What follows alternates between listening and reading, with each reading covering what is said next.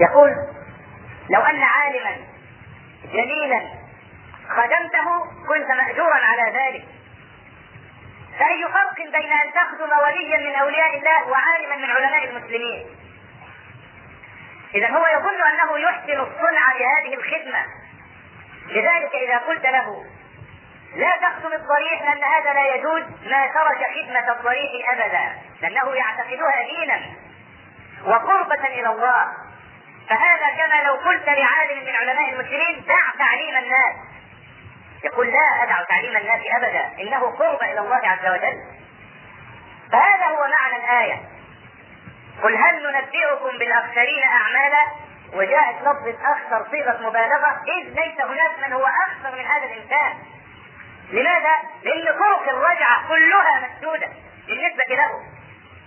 طرق الرجعة مسدودة لأنه بيعتقد أنه بيتقرب إلى الله. فإذا سددته ظن أنك تريد أن تسحبه من طريق الله عز وجل. لذلك كان ذلك أدعى له أن يستمر. لذلك كان أخسر الناس. وهذه الآية هو هذه الآية. الآية حجة على أن المبتدع أشر من العاصي. العاصي أشر العاصي أخف من المبتدع. لأن العاصي يعلم ولو بنسبة جزئية ضئيلة أنه ليس على الحق. والله تبارك وتعالى لما خلق الناس جعل فيها جعل في أنفسها ضميرا.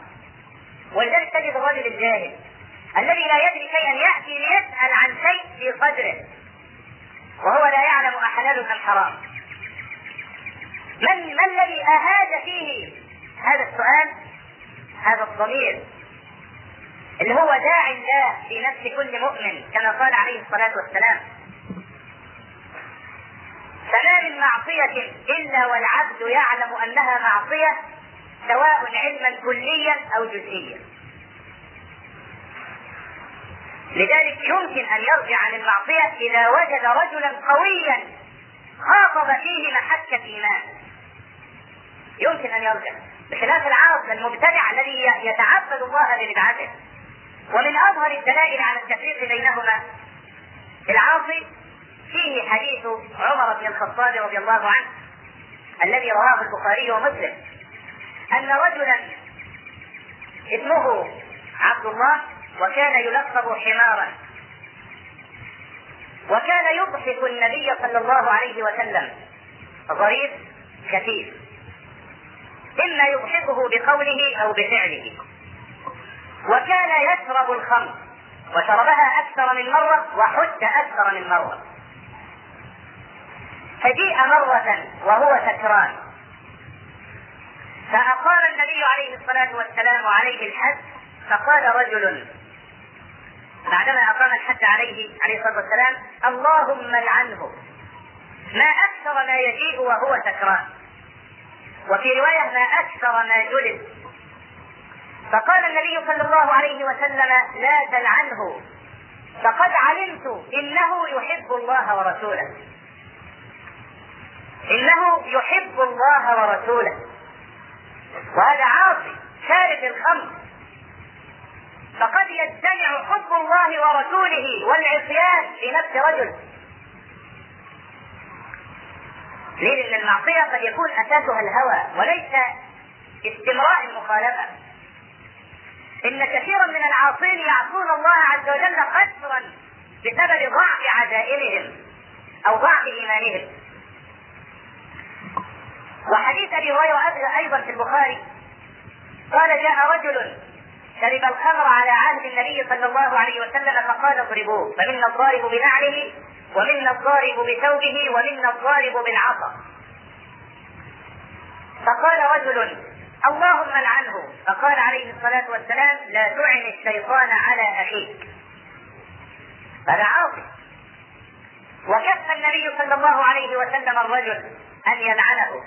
وقال لا تعن الشيطان على أخيك.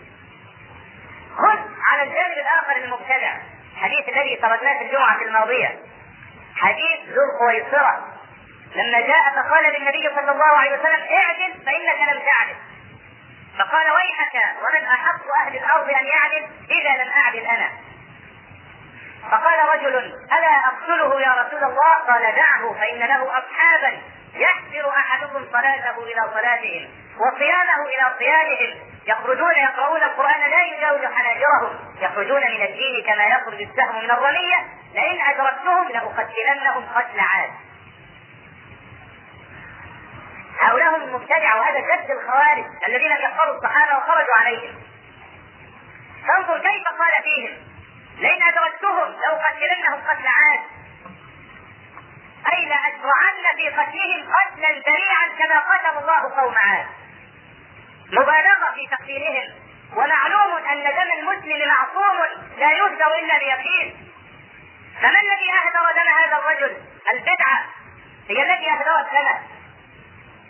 انظر كيف تكلم عن أهل المعاصي. وأثبت محبة لله ورسوله مع وجود المعصية. وانظر كيف قال في أهل البدع. ثم أصحاب البدع يحملون أوزارهم وأوزار الذين أضلوهم. كما قال تبارك وتعالى ليحملوا أوزارهم كاملة يوم القيامة ومن أوزار الذين يضلونهم بغير علم. إن المبتدع ليس عنده علم ولا برهان. إنما هو استحسان شيء ظنه قربة إلى الله عز وجل. لذلك نخرج من هذا بالقاعدة المعروفة عند أهل السنة أن الزيادة في الخير ليست خيرا. الزيادة في الخير ليست خيرا إلا أن تكون مشروعة. وعلى هذا يخرج كلام الإمام القرطبي الذي ذكرناه في الجمعة الماضية من ضمن حجج المبتدعة. لما قال علق أو استنبط من قوله تبارك وتعالى ورهبانية ابتدعوها ما كتبناها عليه فقال ذم الله الذين ابتدعوا الرهبانية لأنهم ما استمروا عليها. فلو أنهم استمروا عليها ما ذمهم. إحنا رددنا على هذا المعنى. لكن قال القرطبي أن الذي ينوي خيرا لابد أن يتمه. نقول لابد من ضميمة هامة لهذا الكلام حتى لا يكون بابا إلى البدعة الذي نوى خيرا بشرط أن يكون مشروعا. بشرط أن يكون مشروعا مأذونا له فيه. بشرط أن يكون مأذونا. وأؤكد على هذه الكلمة. إننا نقول في بدء كل خطبة خير الهدي هدي محمد صلى الله عليه وسلم. إن المبتدع نصب نفسه ندا للرسول عليه الصلاة والسلام. لأنه يقول بلسان الحال أو بلسان المقال إن الشريعة ما تمت لذلك ينبغي أن نضيف شيئا لتسميمها وكفى به خسرانا مبينا أن ينصب نفسه ندا للرسول عليه الصلاة والسلام. ثم إن المبتدع لا تقبل توبته حتى يدع بدعته. قال صلى الله عليه وسلم إن الله احتجر. وفي رواية احتجج. التوبة عن صاحب كل بدعة حتى يدع بدعته. رواه الإمام الترمذي وحسنه. ولو لم يكن بالتوحيد من البدعة غير هذا الحديث لكان كافيا إن الله احتجر أو احتجز التوبة عن صاحب البدعة حتى يدع بدعته. ليه؟ لأنه يعبد الله عز وجل من تلقاء نفسه بغير برهان. فكأنما لم يعبد الله بشيء. أو إلى ذلك أن صاحب البدعة محروم من شربة الحوض كما قال صلى الله عليه وسلم ليردن أقوام على حوضي أزودهم عنه يعني أتبعهم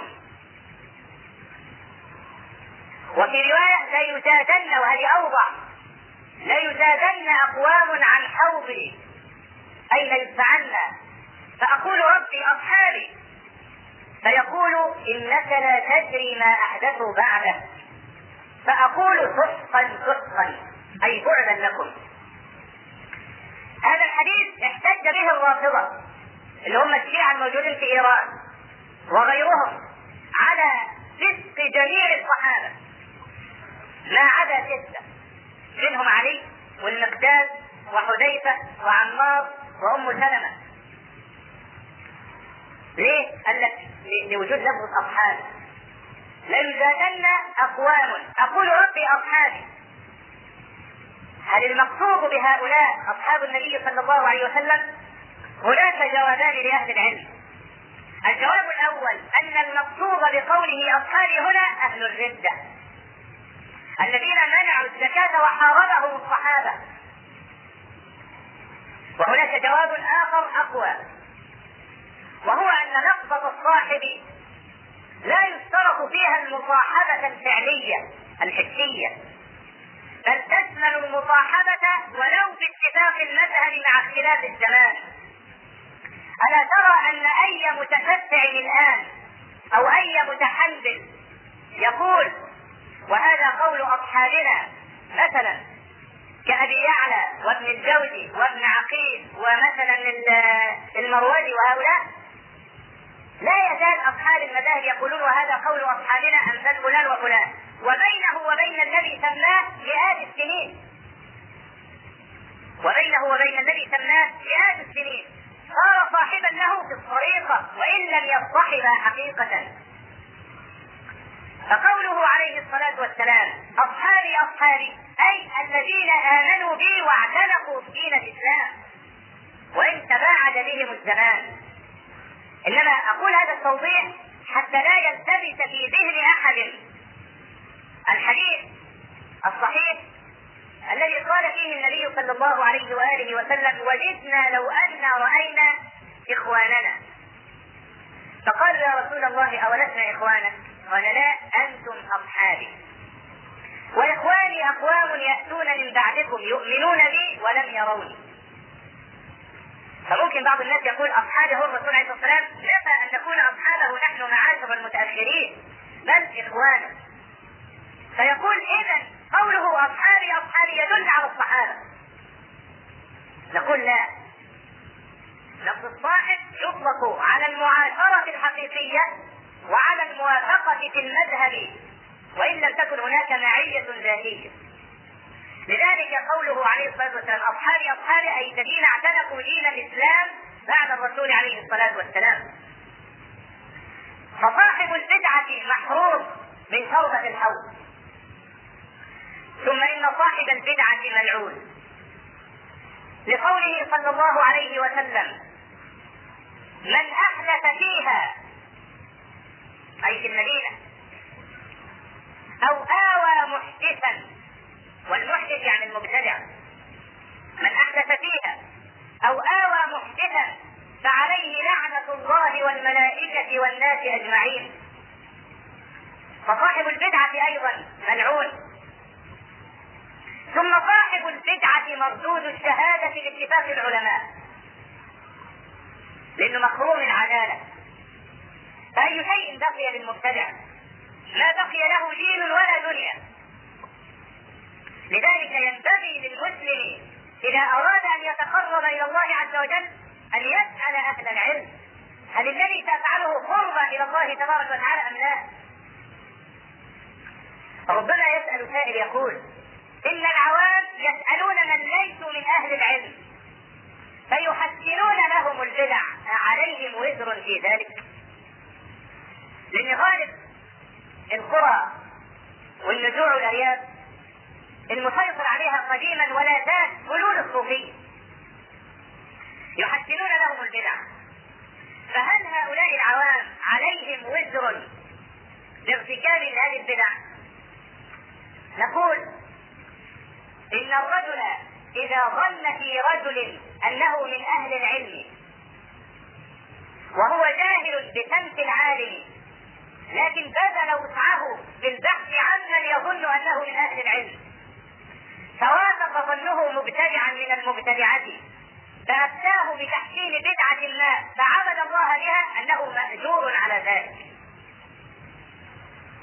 وأنا ذكرت قيدا في الكلام مهما وهو ليس له هوى. وبذل الوسع في السؤال عمن يظن أنه من أهل العلم. فهذا فعل الذي عليه. فاسألوا أهل الذكر إن كنتم لا تعلمون. أهل الذكر عنده فلان وفلان وقد يصادف أنه من المبتدعة. فلا لوم عليه إذا فعل الذي أمر به في حدود إمكاناته بعد هذه المقدمة الضرورية وفيها التنفير من البدعة نذكر شيئا آخر نذيل به النتيجة النهائية. وجوب هجران أهل البدع. لو أننا وقفنا في وجه المبتدعة وقوفا حازما وهجرناهم لله عز وجل لانحصرت دائرة المبتدعة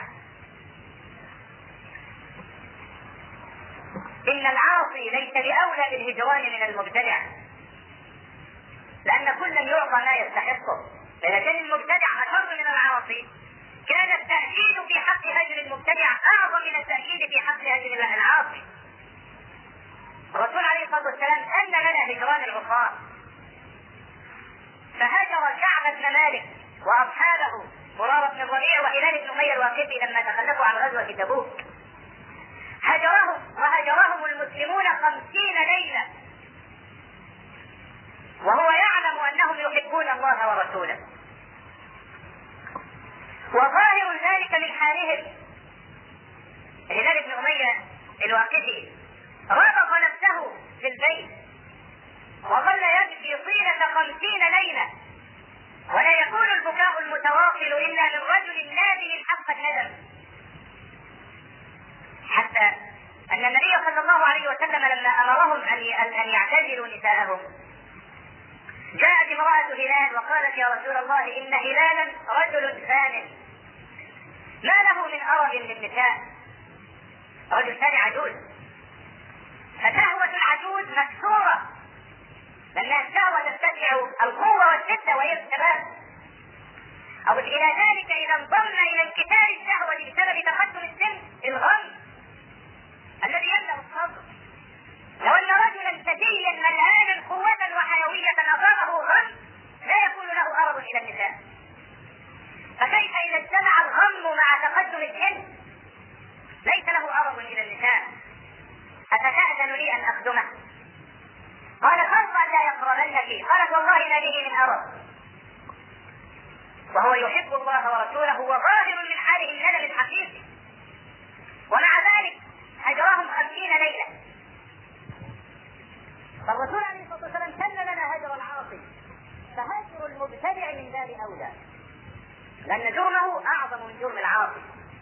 إذا المحصلة النهائية وجوب هجران المبتدع لكن هذا له ضوابط نزيل عليها في الخطبة الثانية إن شاء الله. أقول قولي هذا وأستغفر الله العظيم لي ولكم. الحمد لله رب العالمين. له الحمد الحسن والثناء الجميل. وأشهد أن لا إله إلا الله وحده لا شريك له يقول الحق وهو يهدي السبيل.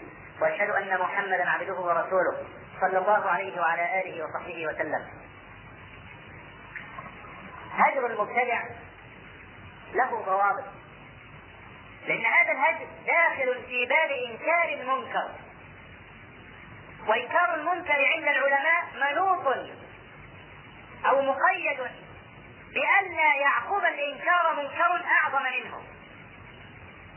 فإذا كان للمبتدعة في بلد ما شوكة عظيمة ولو كنت تنكر عليهم هذه البدعة قتلوك أو خلصوا دعوتك أو قتلوها. حينئذ يجب عليك أن تتوفق في إنكار البدعة. إن البدعة لها دولة. البدعة لها دولة. تقوم عليها ولها إمكانات هائلة. لأن البدعة توافق هوى النفس بخلاف التكليف. سميت النصوص الشرعية تكليفا لأنها كلفة على النفس لأنها مشقة أيهما أهون؟ أن تصلي جمعة في أول رجب. تذكر لك تقصيرك في الصلاة طول العمر ولا تصلي طول العمر؟ الأشق إنك أنت تصلي طول العمر. كلما يؤذن للأذان تقوم تتوضأ وتصلي هناك بدعة صريحة تتكئ على حديث مكذوب على النبي صلى الله عليه وسلم. أن من صلى الجمعة الأولى في رجب جبر كل صلاة تركها العبد قبل هذه الجمعة.